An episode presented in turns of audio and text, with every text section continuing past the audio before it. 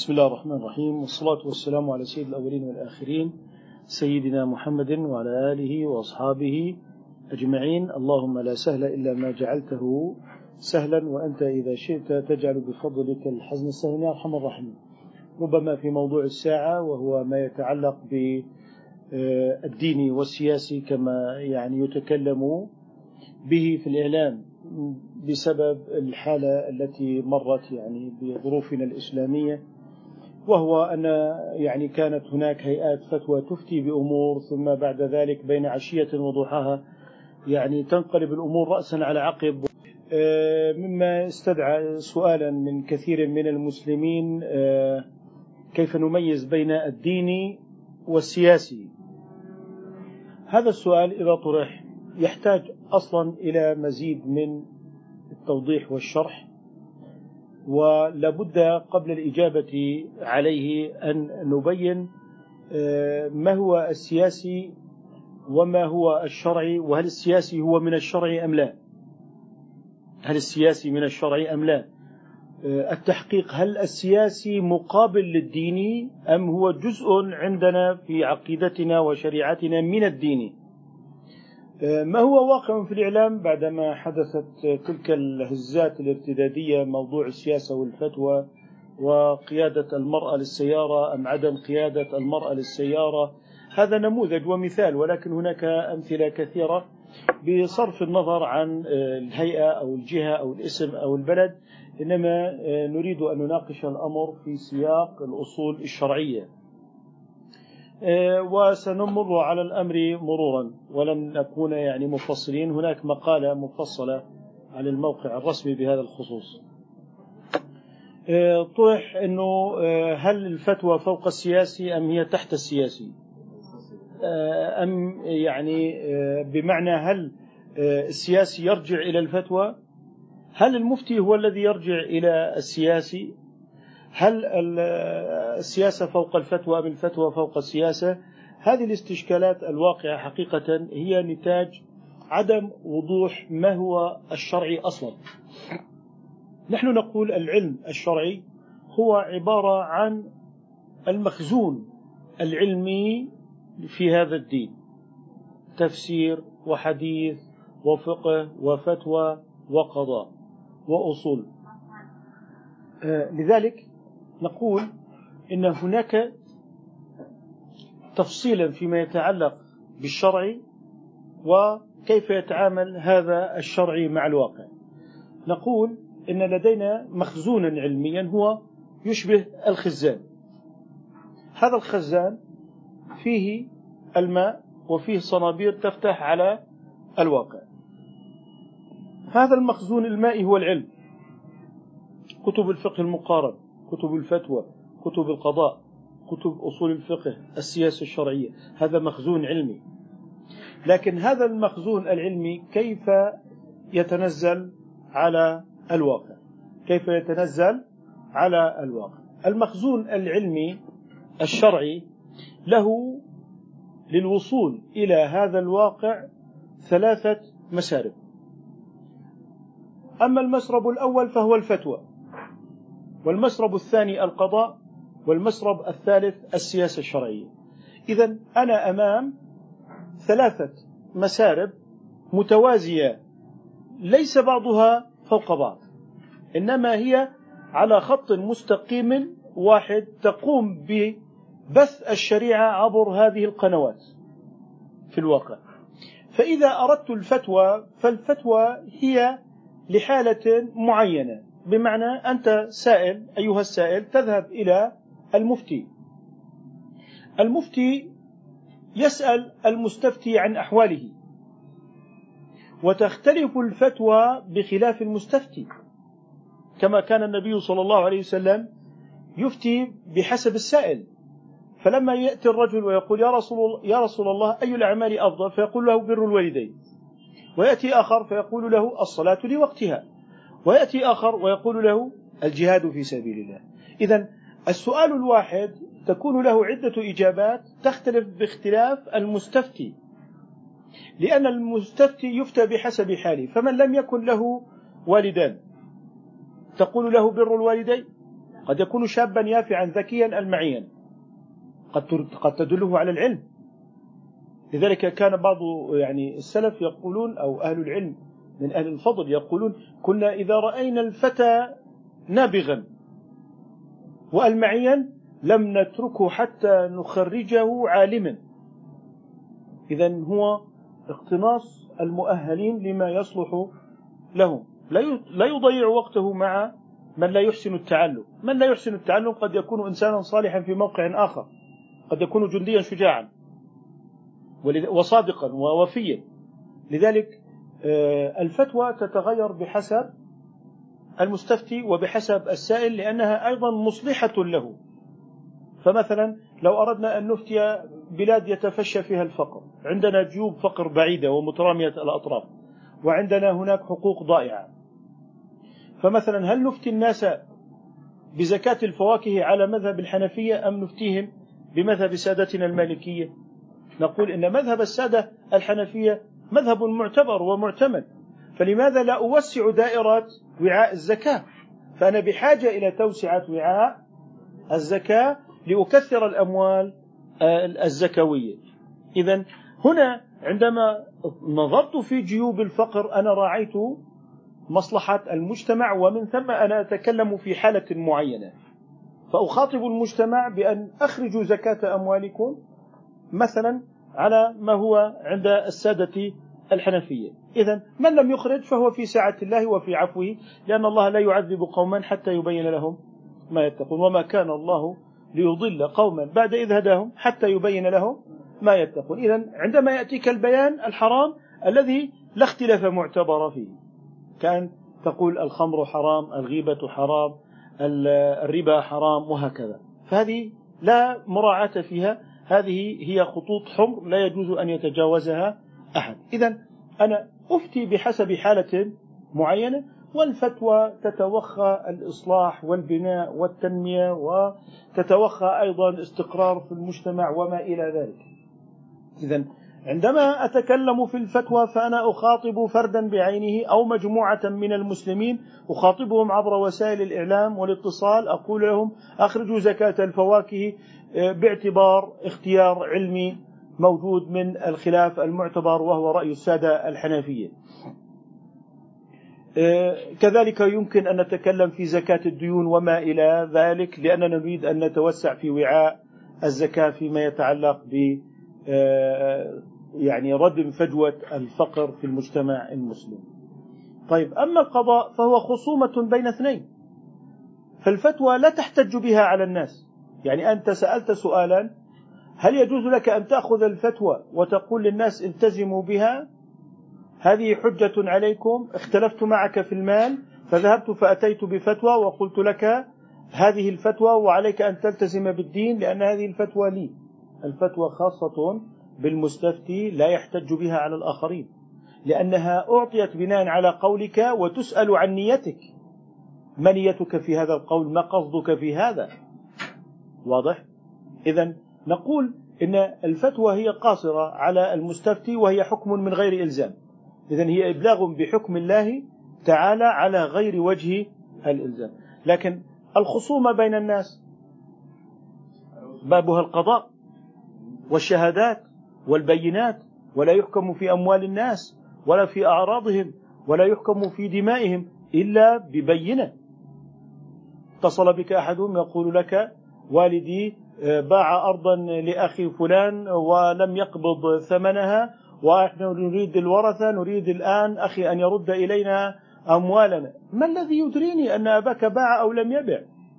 أنا لست صاحب بينات ولا آتي بالبينات ولا أحكم بناء على البينات.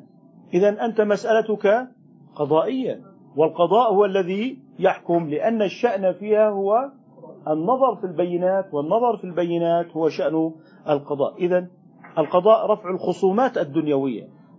يأتي رجل يدعي دينا على رجل لم يأخذ بينة.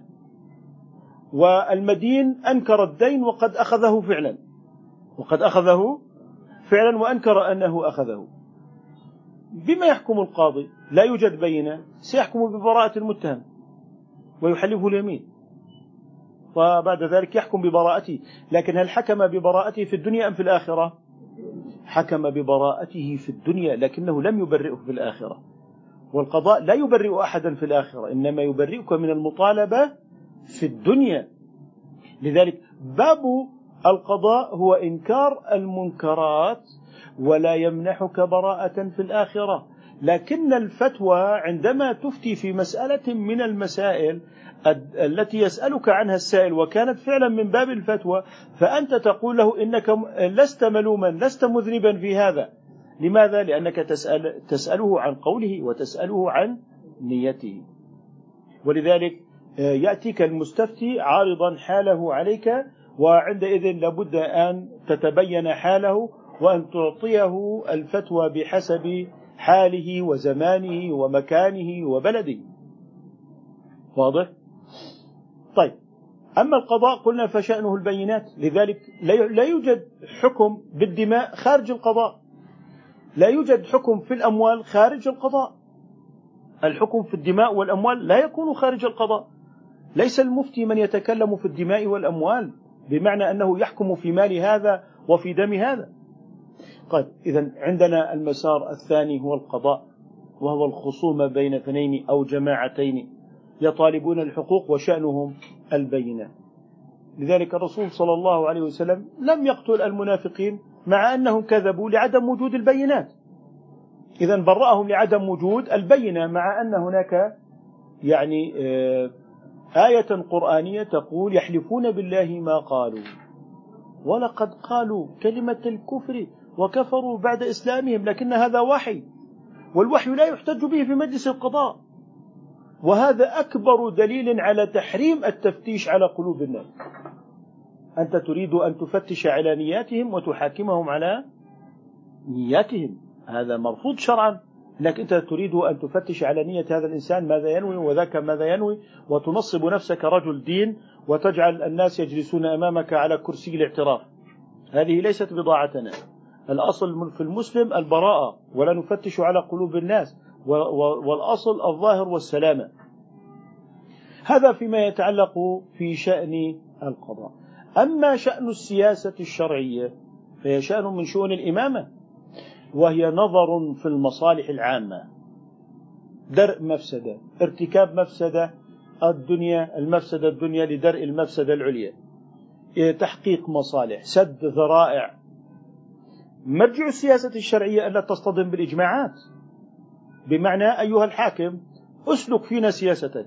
وافعل في كل في هذه السياسة كل ما يجلب مصلحة لهذه الأمة. كل ما يدفع عنها مفسدة. ستجد نفسك أيها الحاكم أحيانا بين ضررين. لست أنت تعيش في الجنة.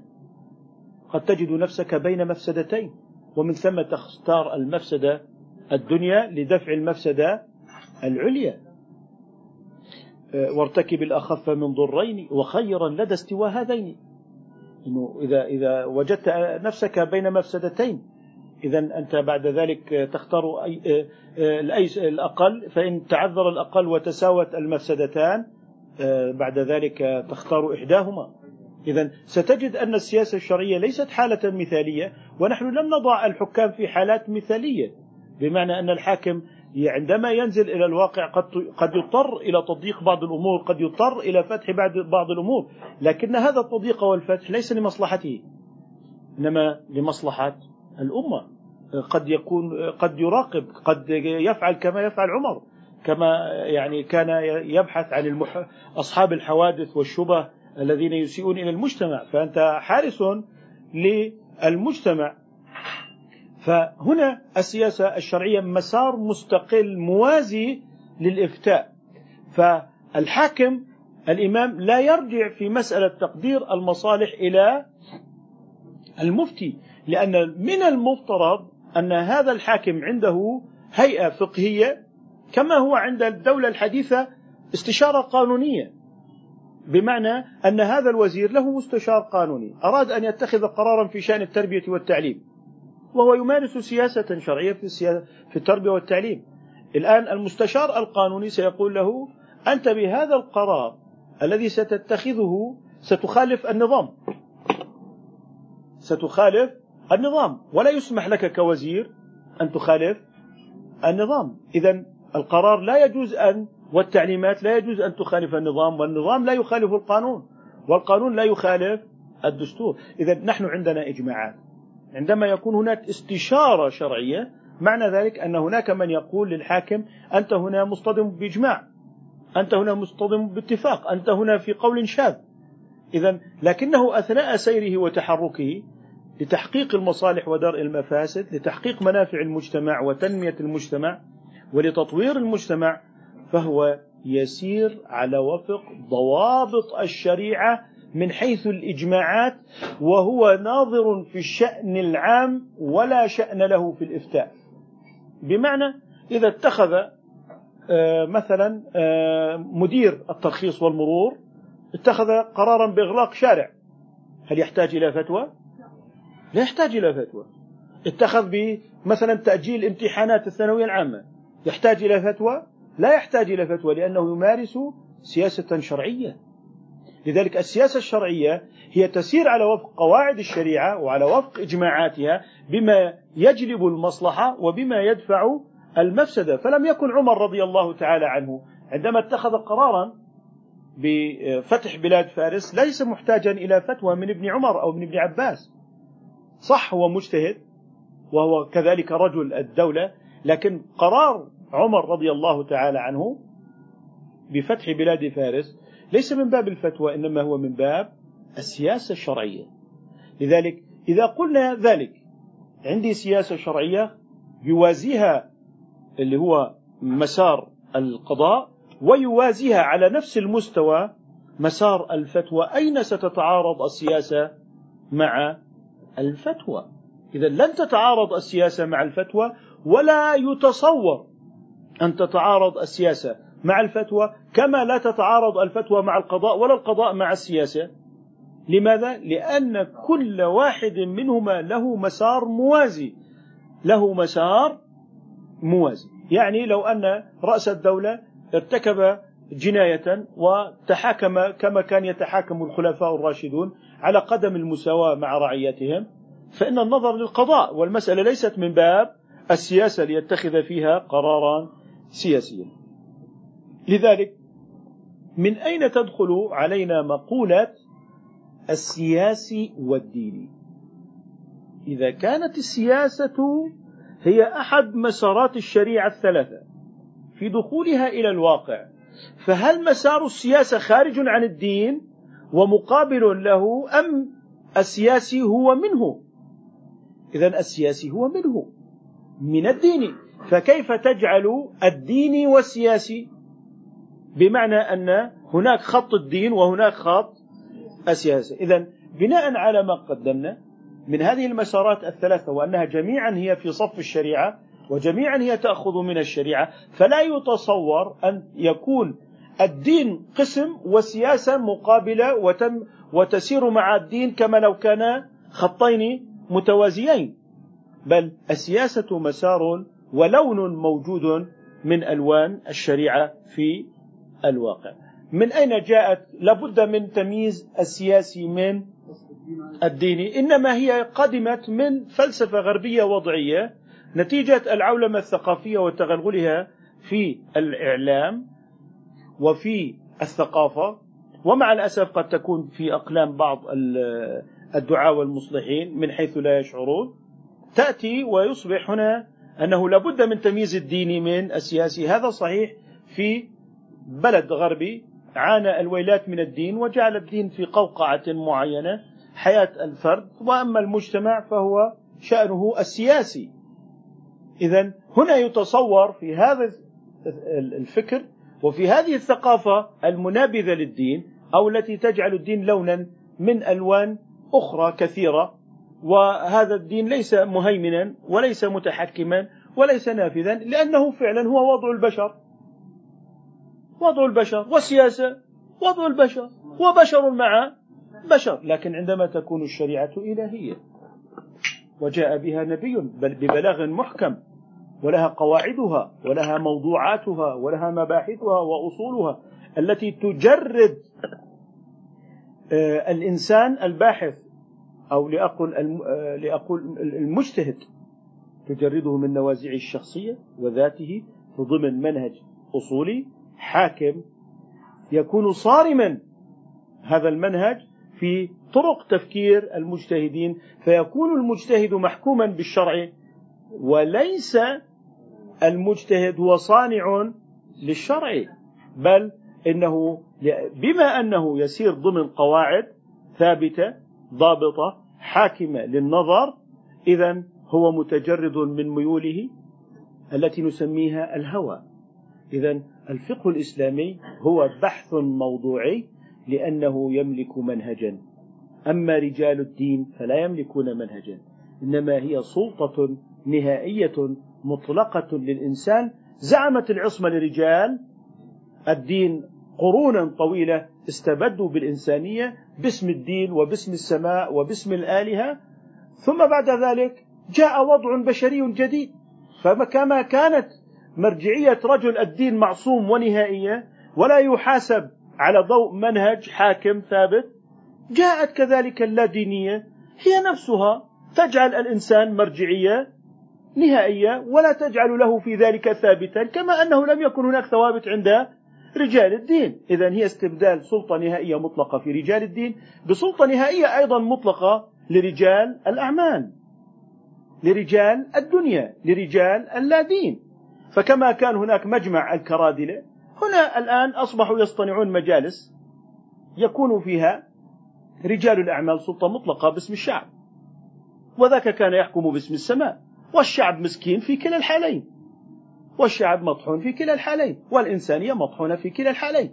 بل إن الجرائم التي وقعت على الإنسانية في عهد رجال اللادين كانت أفتك وأشد خطرا. من رجال الدين أنفسهم. لماذا؟ لأن الإنسانية سواء في ظل رجال الدين أو في ظل رجال اللادين لا توجد ثوابت. مطلقة حاكمة. إذا كان المرجع هو البرلمان سنسيطر على البرلمان بأموالنا ونأتي إما أن يكون في البرلمان رجل أعمال أو موظف عند رجل أعمال وفي النهاية أصبحت الرأسمالية هي الحاكمة. فبعدما بذلت البشرية الدماء الكثيرة بعشرات الملايين للتخلص من إقطاع الأراضي ونظام الإقطاع والقيصر والبابا وجدوا أنفسهم أمام إقطاع الشركات. إذا استبدال إقطاع محدث إقطاع جديد النمط جديد كلها بسبب تنكب طريق الرسل عليهم الصلاة والسلام تنكب طريق الشريعة. إذا السياسة الشرعية في الإسلام ليست مطلقة.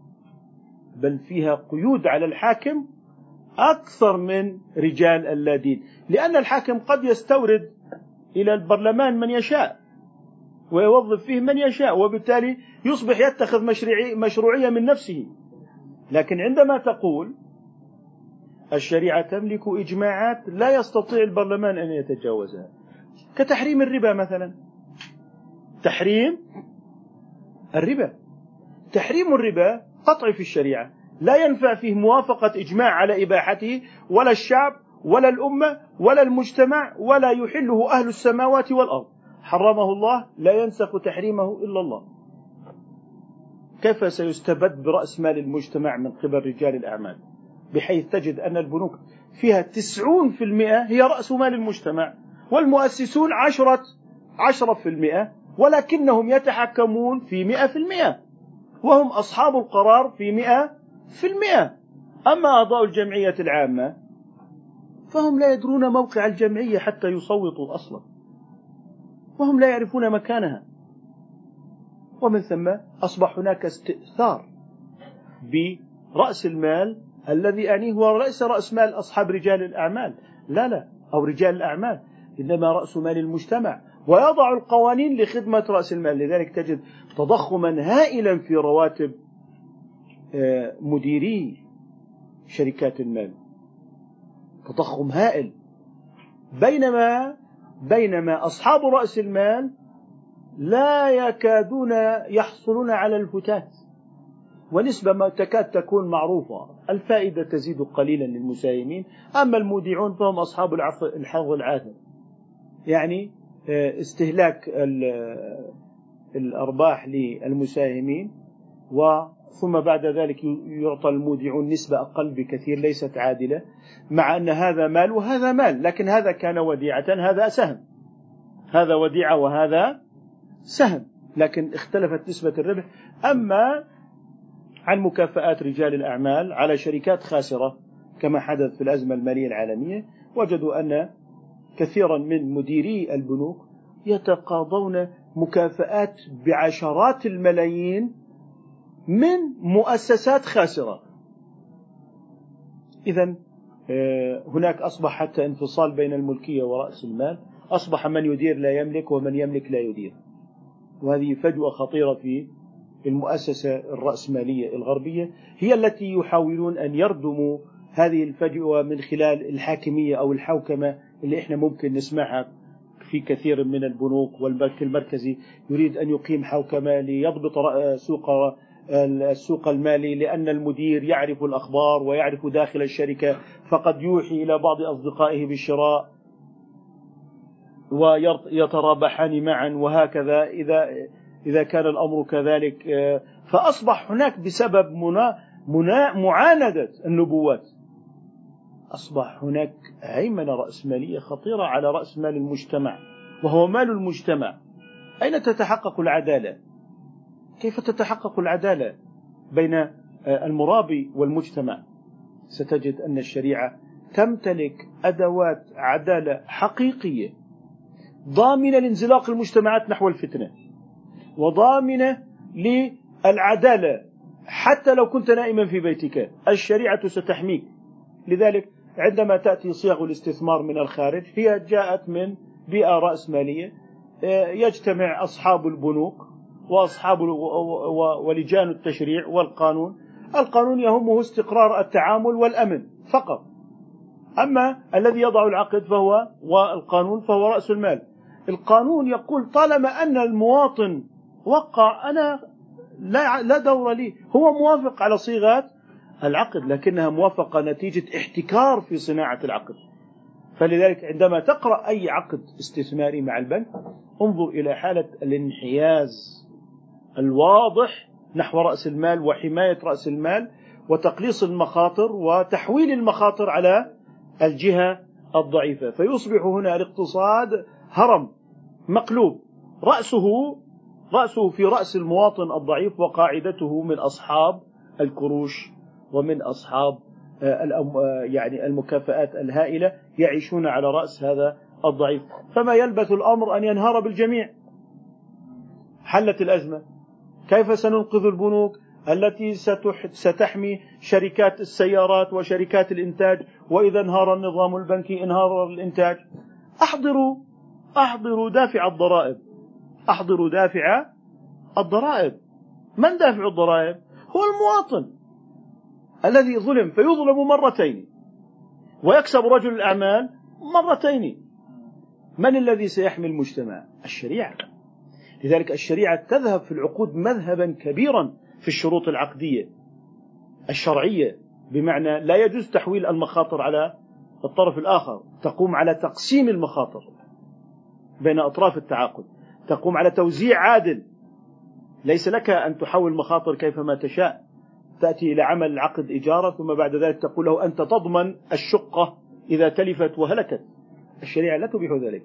أنت المالك أنت الذي تتحمل عبء التلف وليس المستأجر. أنت الذي تجني الأرباح فتجعل هلاك العين ودفع, ودفع الأجرة على هذا وأنت ليس لك إلا أن تضع قدما على قدم ورجلا على رجل وبعد ذلك تقوم ب وعليكم السلام ورحمة الله وبركاته. وبعد ذلك تقوم بجني الأرباح على يعني آه، جثث آه، المجتمع وتكسب يعني كسبا لا مبرر له شرعا دون يعني أن يكون هناك توازن عقدي صحيح وواقعي في آه، العقد المبرم بين المؤسسات المالية أو المؤسسات الاحتكارية وأفراد المجتمع. هذه الشرعيه، السياسة الشرعيه نظر الامام في مصالح المسلمين بما يتلائم مع نصوص الشرع اما السياسة السياسية فهي مدى لإدارة الدولة ومصالحها مع الدول الاخرى وما إلى ذلك. سؤال الدكتور محمد بيقول إنه يعني هناك من يقسم إلى سياسة سياسية وسياسة شرعية. يعني سياسة سياسية وصف الشيء بنفسه. أنت هنا تقول سياسة شرعية مقيدة بالاستناد إلى الشرع. هل السياسة هل السياسة السياسية مستندة إلى الشرع؟ في المصدر هذا اللي يميز بين في المصدر يعني إحنا في الإسلام آه، السياسة الشرعية من أين مصدرها؟ من الشرع، طب والسياسة السياسية؟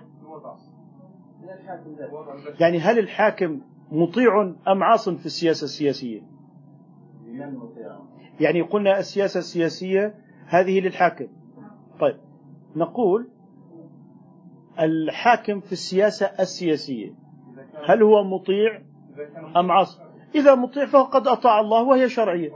وإن لم يكن مطيعا فهو عاص. إذا ليست شرعية. فما فائدة تقسيم سياسة سياسية؟ السياسة السياسية هو ينفذ ما يسن لنفسه الشرع هل هو مطلق؟ هل هو مطلق؟ مصطلح أم هو له مرجع أعلى؟ لا هو المصطلح منتشر الآن يا شيخ. فصل الدين عن الدولة. السياسة شيء والدين شيء. هذا هو أظن أظن ما تفضل به الدكتور أحمد أنه هذا ما يقال الآن سياسة سياسية هي حيلة لفظية. أنا هكذا أظن. هي حيلة لفظية لتبرير أنه حتى إذا قلت هذا ليس شرعا سيقول لك هذا سياسة سياسية. يعني زي اللي, اللي قال له واحد دورنا على شاي أم حسن.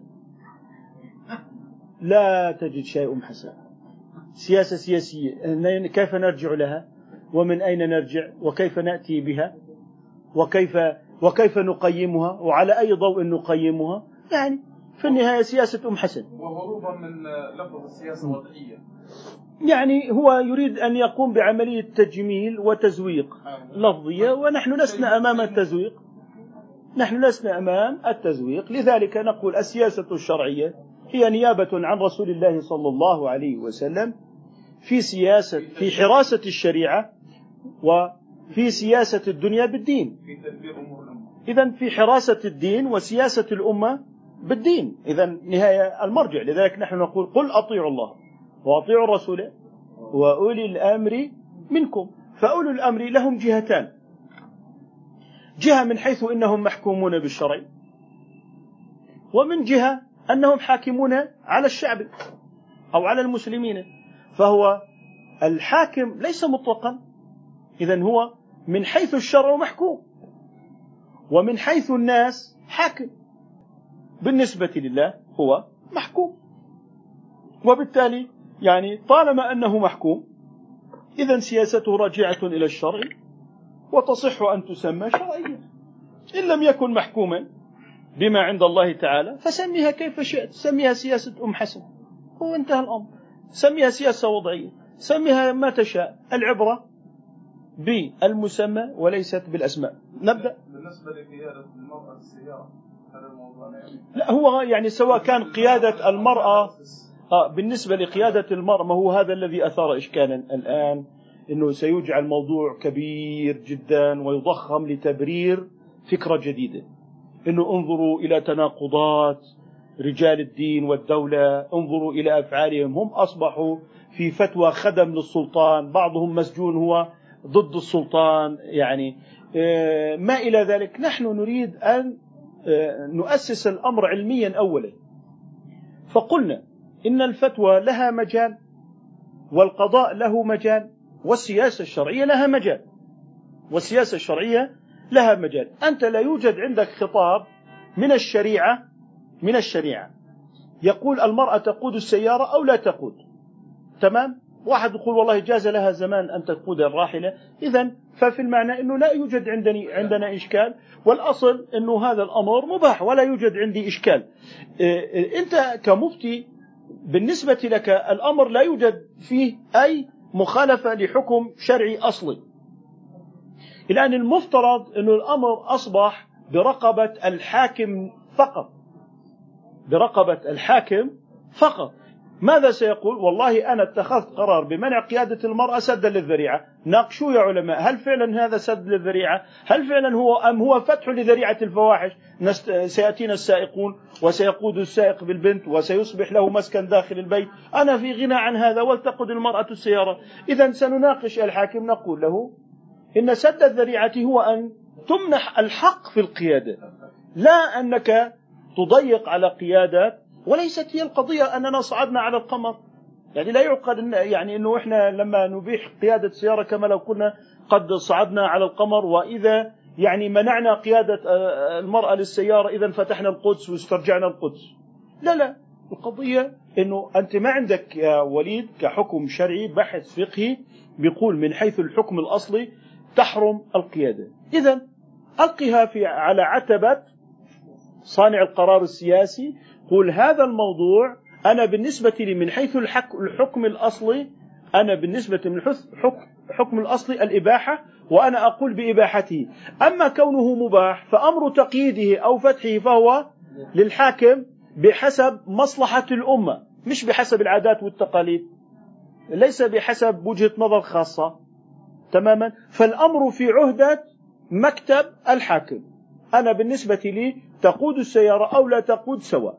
أحبت أن تقود فأهلا وسهلا لم تحب أن تقود السيارة ليس واجبا ولن تحاسب يوم القيامة لأنها لم تقود السيارة. إذا من حيث الحكم الأصلي لا إشكال عندي. من حيث الحكم الأصلي لا إشكال عندي. إذا مثل موضوع فتح الطرق. لكن عندما آتي أنا أقول إن هذا حكم أصلي وهو منع المرأة قيادة السيارة ولا يجوز لها أن تقود السيارة.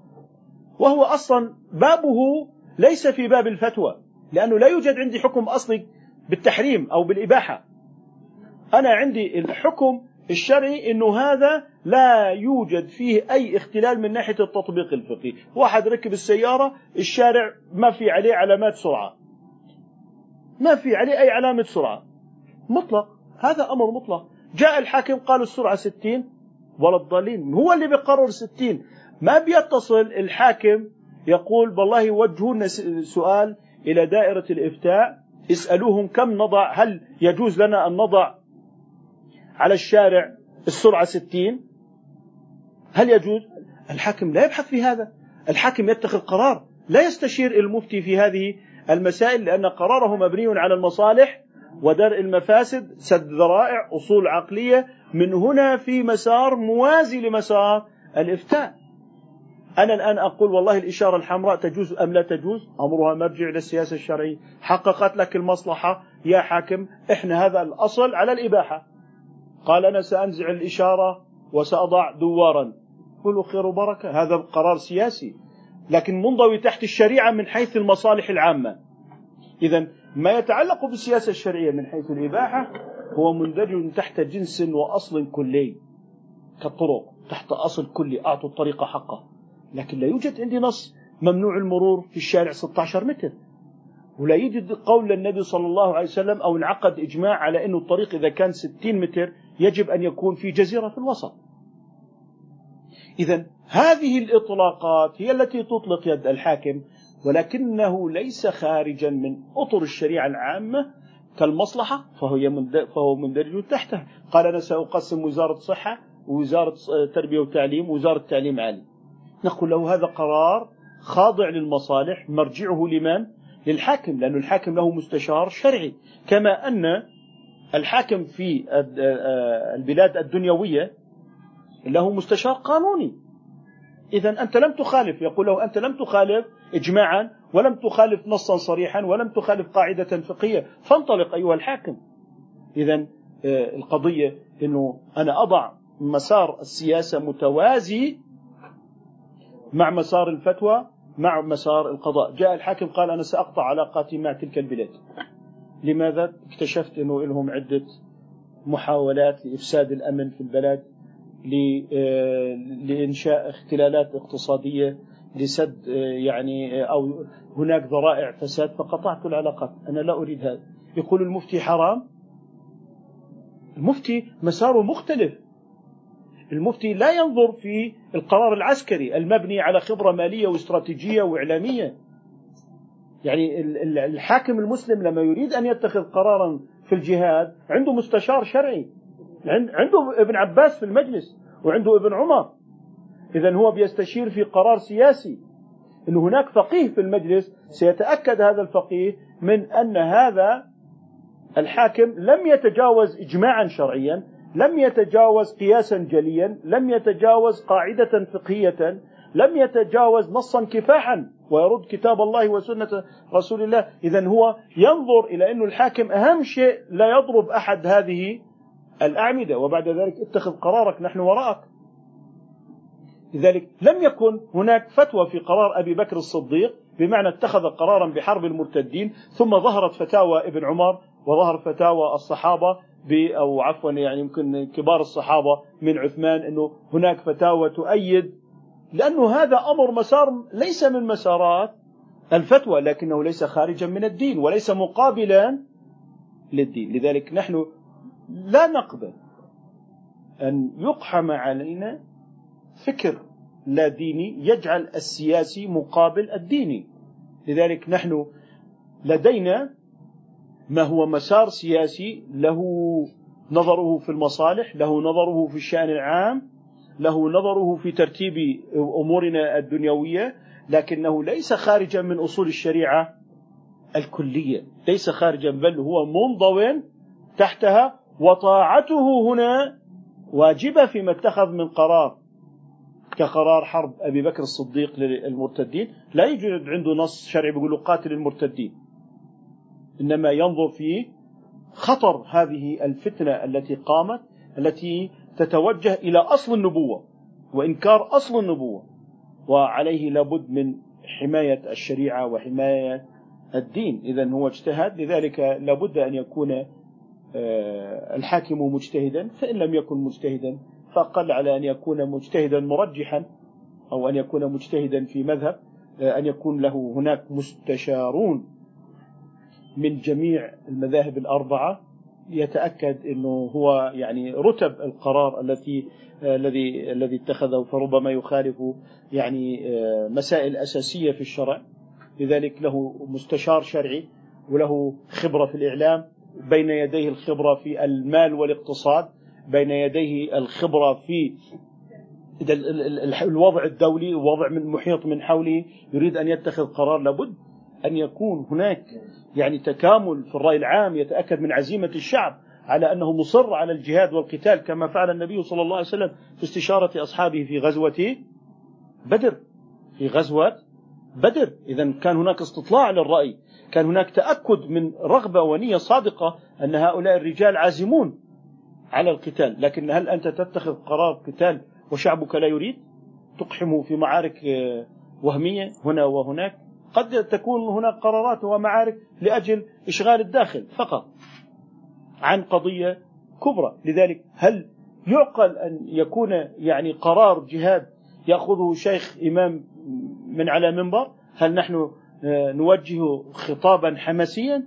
هل الجهاد الشرعي هو عبارة عن دغدغة عواطف؟ آه، أناس نائمون آه، بالكاد يعني يمتنعون عن المال الحرام يعني تدغدغ عواطفهم بخطب منبرية رنانه عن الجهاد وما زالوا يعني يحتاجون إلى أوليات التعليم في الدين، يحتاجون إلى الانتهاء عن الكبائر، يحتاجون إلى تجربة إصلاح طويلة المدى.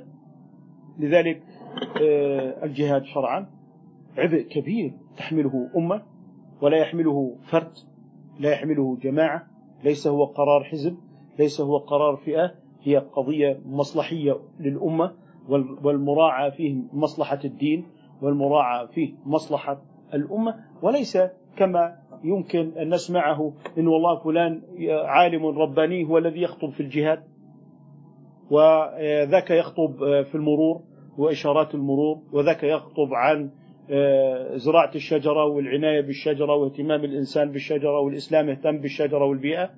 فنجد أن هناك خطابات متناقضة داخل المجتمع الإسلامي ذاك يخطب عن الشجرة وفوائد الشجرة وفوائد النخل وأهمية اتباع قواعد المرور والمسجد الذي بالجوار يعني يكاد يعلن الجهاد قاب قوسين أو أدنى. المسألة تحتاج إلى مشروع إصلاح كبير من الأمة في الفهم على الأقل ألا تكون مضطربة في مرجعية الشريعة في مساراتها حتى لا يتسلل الإلحاد واللادين من خلال هذا الاختلاط الذي نعيشه اليوم.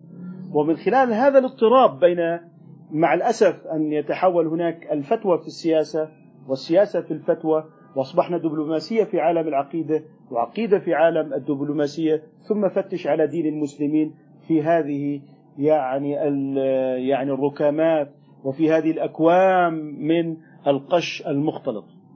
لذلك لابد أن يكون الدين واضحا فيما يتعلق بالفتوى وفيما يتعلق بالقضاء وفيما يتعلق بالسياسة. أفضل ما يمكن أن نعمله هو أن نكون عاملين في حق الجانب اللي هو الإمامة سميه الإمامة سميه السياسة سميه السياسة الشرعية.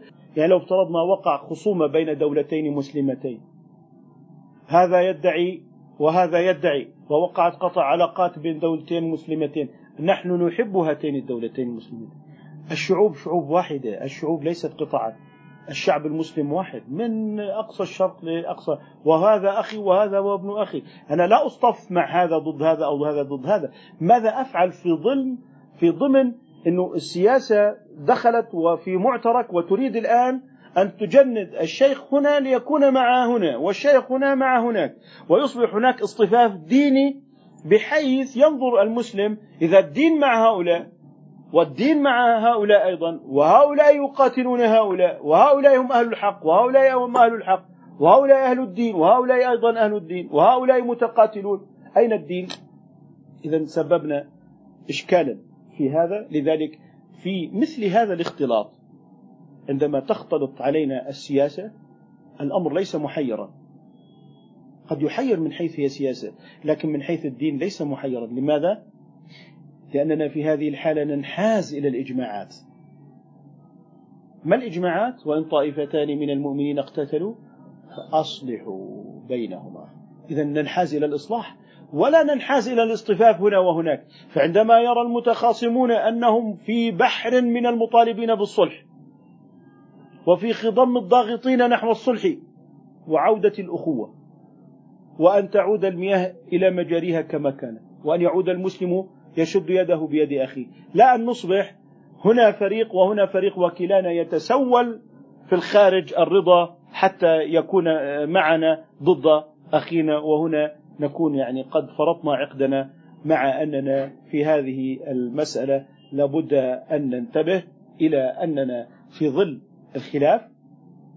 ننحاز إلى الإجماعات. آه سينشر قتال الإجماع حرمة الدم المسلم من الفريقين. حتى ينتبه المتخاصمون إلى أنه ما المكاسب التي سنحققها على جثث المسلمين من هؤلاء والمسلمين من هؤلاء؟ ما هي المكاسب؟ أن تصبح هنا أرملة وهنا أرملة. ما الفائدة؟ هل سنصلح الاقتصاد؟ ما فائدة الاقتصاد؟ ما فائدة آه، الرفاهية للأيتام؟ وقد فقدوا آباءهم في أج من أجل معركة هنا ومعركة هناك. ثم بعد ذلك نكتشف أننا يعني كنا يعني نحرك من جهات مختلفة. هذا يدعم وهذا يدعم وهذا يعني يرفض النار بالحطب وهذا يرفض النار بالحطب ونحن الحطب.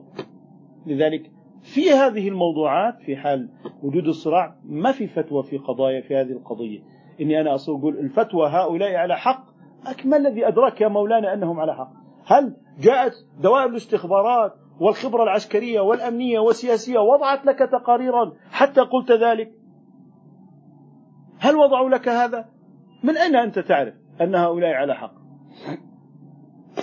لذلك نقول إنه لابد من الانحياز إلى القواعد العامة والإجماعات عندما يختلف المسلمون فعندما يرى المختلفون أن الأمة ليست مع الخلاف وأن هذا الخلاف والشقاق يضر بالأمة جميعا. وأن الجميع ليس ليسوا مصطفين هنا وهناك. ليسوا منحازين إلى هنا وهناك. فيكون هذا الجميع هو الأجدر بأن يقود عمليات الإصلاح لأنه ليس منحازا وليس متهما بالميل لطرف دون طرف. عندئذ نستطيع أن نقول إن المسلمين والحمد لله أصبحوا يعني في وعي في السياسة وما هو من أمر السياسة الذي يجب الانحياز فيه للقاعدة العامة حينما يختلف الناس. حينما يختلف الناس الانحياز إلى القواعد العامة حرمة الدماء حرمة الأعراض حرمة الدين. ما أحد يقول والله هذا الشيخ اضحكوا عليه هيو كان كذا والشيخ الفلاني المقابل. تعالوا نضحك عليهم جميعا. حتى ونحن من حيث لا نحسب نقول أو لا نحسب وجدنا أننا قد حولنا المشايخ إلى مسخرة إعلامية وبعد ذلك عوام الناس يفقدون الثقة بالدين وليس بشيخ الدين. فمن هنا أنه موضوع السياسة الشرعية هو موضوع موازي وحقل موازن للفتوى والفتوى لا تأخذ من السياسة الشرعية المفتي لا يوجد عليه رقيب من السياسي والسياسي عليه أن يكون عنده مستشار شرعي يبين له آه، أنه لم يخالف الشريعة وأنه في هذه المراحل أو في هذه النقطة يده مفتوحة لتحقيق المصالح ودار المفاسد كما هو حاصل في القانون أن القانون هو ناظم لعمل الوزير والنظام عامل ناظم لعمل الوزير كذلك الشريعة هي ناظمة لعمل الوزير ولا يجوز له أن يخالفها في قواعدها العامة. أما من حيث سعيه للمصالح فهذا لا يوجد عليه نص خاص. نص خاص ما في إشارة ممنوع المرور وكذا إلى آخره. هذه مطلقة يفعلها بحسب المصالح وله أن يغير بحسب المصالح. ليه؟ هذه ليست فتاوى. هذه ليست فتاوى تتغير في يوم وليلة. كنا نفتي قبل الليلة الماضية بالحرام ثم بعد الليلة الماضية أفتينا بالحلال. أكيد سيشوش العامة من هذه التناقضات. لذلك ننتبه إلى المسار الموازي للفتوى والمسار الموازي للسياسة الشرعية والمسار الموازي للقضاء. وهذا من باب علاقة السياسة الشرعية بالفتوى وأن هناك اليوم من يحاول أن يشوه صورة الفتوى وأنها أصبحت عبارة عن موظف عند الحاكم. إذا اتركوا الفتوى سيتركونها في الصلاة والزكاة والصيام والحج بعد ذلك. إذا إذا هذه هي القضية. بمعنى أن هناك من يريد أن يتخذ من رجال العلم شيوخ خدمات فقط كمذيع للسياسة يتكلم بإباحة ما يأمر به السلطان وإذا ترك السلطان ما هو مباح جعله حراما وأصبحت المرجعية المطلقة في الفتوى لمن؟ للسلطان وهذا لا يصح وأصلا هذا لا يخدم السلطان أصلا في النهاية لماذا؟ لأنه عندما يفقد الشعب الثقة بالسلطان ويفقد الثقة, الثقة بالعالم من الذي سيضبط هذا الشعب؟ من الذي سيوجه؟ إذا سينفلت الشعب من, من الاثنين وعند ذلك لم يعد لهذا الشيخ أي مصداقية وبالتالي عندما يتكلم سيقولون له أنت مكانك الإذاعة وليس مكانك المسجد ودار الفتوى لذلك عندما نحمي الإسلام والفتوى من اقتحامات الولاء والمعارضة. يعني مثلا نأخذ على سبيل المثال. يعني كنت في مجلس فإذا بأحدهم يعني يسخر من حديث وإن جلد ظهرك وأخذ مالك آه، وإن جلد ظهرك وأخذ مالك هذا حديث صحيح. أن النبي صلى الله عليه وسلم يقول اسمع وأطع. وإن جلد ظهرك وأخذ مالك لكن أنت أخذت هذا الحديث النبوي الشريف ووظفته في دائرة الموالاة. لم يعد هذا حديث النبي صلى الله عليه وسلم. لأنك أصبحت توظف الحديث لخدمة قرارات تستبد أو قرارات ظالمة للمجتمع. طيب طلعت المعارضة. هذا الدين؟ وعليكم السلام ورحمة الله وبركاته. آه هذا هو الدين اللي هو آه وإن جلد ظهرك اضحكوا من الحديث. صار الناس يسخرون من الحديث. لماذا؟ الحديث النبوي فوق الحاكم والمحكوم. وليس خداما لهذا ولا ذاك بل الكلاهما محكومان بالحديث. لكن لما إحنا جئنا واصطنعنا ولاء ومعارضة. الآن في الغرب من الطبيعي أن تنشأ الولاء والمعارضة. هذا من الطبيعي جدا. لماذا؟ لأنه لا يوجد حق ثابت ومطلق أصلا. لأن الحق يتقرر في البرلمان والبرلمان يقرر ما يشاء. إذا هل هناك ثابت؟ لا يوجد ثوابت لا يوجد إجماعات غير متحركة. إجماع اليوم سننسفه غدا. ما لا توجد مشكلة. طيب كيف نفعل إذا لذلك أصبح هناك ولاء ومعارضة هذا يضع القانون إذا استطاع وتمكن وذاك يضع القانون إذا استطاع وتمكن. لكن هل نحن بهذه الطريقة؟ نحن عندنا ثوابت شرعية. نحن بالنسبة لنا الولاء للثوابت الشرعية. الولاء لثوابت الأمة الولاء لإجماعات الأمة. الحاكم حارس لإجماعات الأمة. الأمة معينة للحاكم. حيث حصل مخالفة للشرع الأمة ناصحة. الأمة لا تتحول إلى معارضة شاملة إنما تقول له هذه الجزئية حرام غيرها. أصلح هذه. فلا يتصور اصطفاف ولا مقابل معارضة لوجود إجماعات. وأن الإجماعات هي التي تلتف حولها الأمة وحولها الحاكم أيضا ومصداق ذلك قول أبي بكر الصديق رضي الله تعالى عنه. ماذا قال؟ أطيعوني ما أطعت الله فيكم؟ أي طيلة طاعتي لله تعالى في أمركم. إذا ثبت المرجعية وثبت رقابة الأمة. فمن أين ستكون هناك قضايا الولاء والمعارضة؟ طيب إذا افترضت أنت خرجت عن طريقة الأمة في ممارسة العمل الاجتماعي العام والعمل السياسي فاصطنعت ولا واصطنعت معارضة ثم تأتي بهذا الحديث فتقتنصه من عليائه وتوظفه هنا. تمام؟ وذاك وظف اللي هو آه كلام آه الأعرابي لعمر والله لو رأينا فيك اعوجاجا لقومناه بسيوفنا. رأينا اعوجاجا إذا سنقومه بسيوفنا.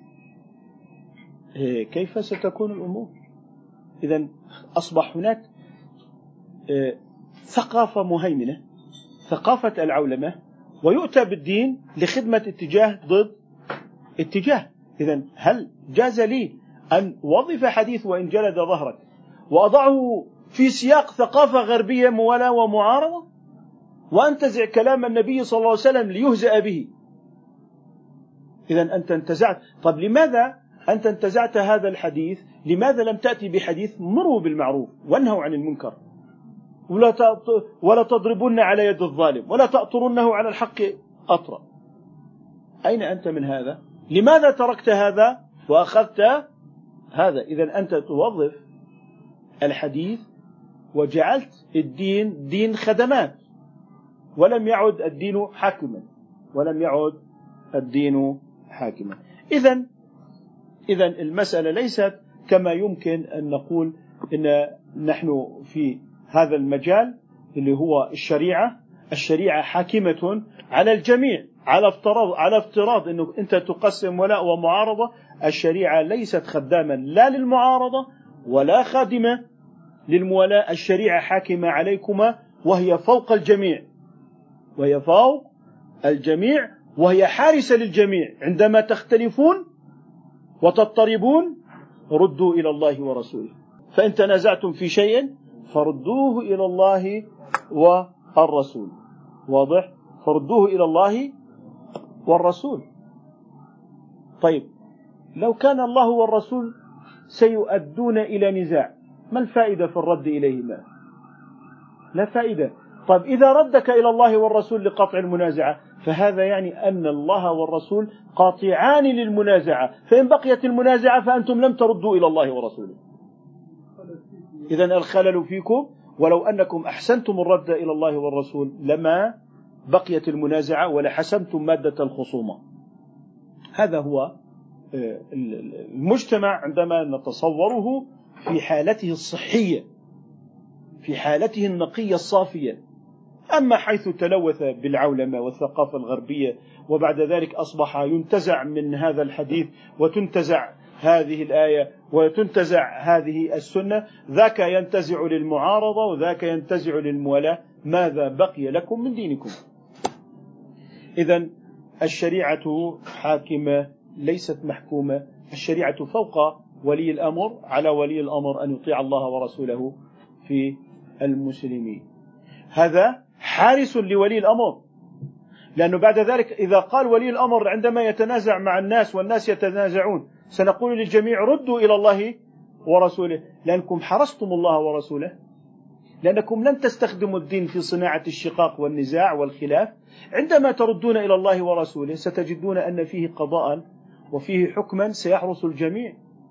أما وأنكم قد فعلتم ما فعلتم وجعلتم الشريعة قطع الذين جعلوا القرآن عظيم هذا كل واحد يأخذ جزء وهذا جزء وهذا يأخذ لحسابه وهذا يأخذ لحسابه فلما جئتم لتردوا إلى الله ورسوله ما وجدتم الشريعة؟ لأن كل النصوص قد تم توظيفها والنصوص اللي كنا من خلالها سنحكم في النزاع قد تم تلويثها بهذا التطبيق. إذا أنتم تجنون ما كسبتم وعليكم أن تصلحوا ما أفسد نكتفي بهذا القدر فيما يتعلق بهذه المسارات الثلاث اقتضاها الحال والواقع من محاولة استغلال اضطرابات الفتوى مع السياسة ليقول لنا اتركوا الفتوى جانبا أخذوا السياسة فقط واجعلوا الدين على جنب. بمعنى أصبحنا أمام طرح أنه تعالوا نميز بين الدين والسياسي نقول لك السياسي جزء من الدين ولا يضطرب مع الفتوى في الحالة الصحية. أما إذا رأيته قد اضطرب فاعلم أن هناك خللا قد حصل ونحن نعالج ذلك الخلل لأن الفتوى والقضاء والسياسة الشرعية جميعا هي خطوط متوازية وتقف على استقامة واحدة لا يعدو بعضها على بعض. نكتفي بهذا القدر إن شاء الله تعالى. سبحانك اللهم وبحمدك نشهد أن لا إله إلا أنت نستغفرك ونتوب إليك.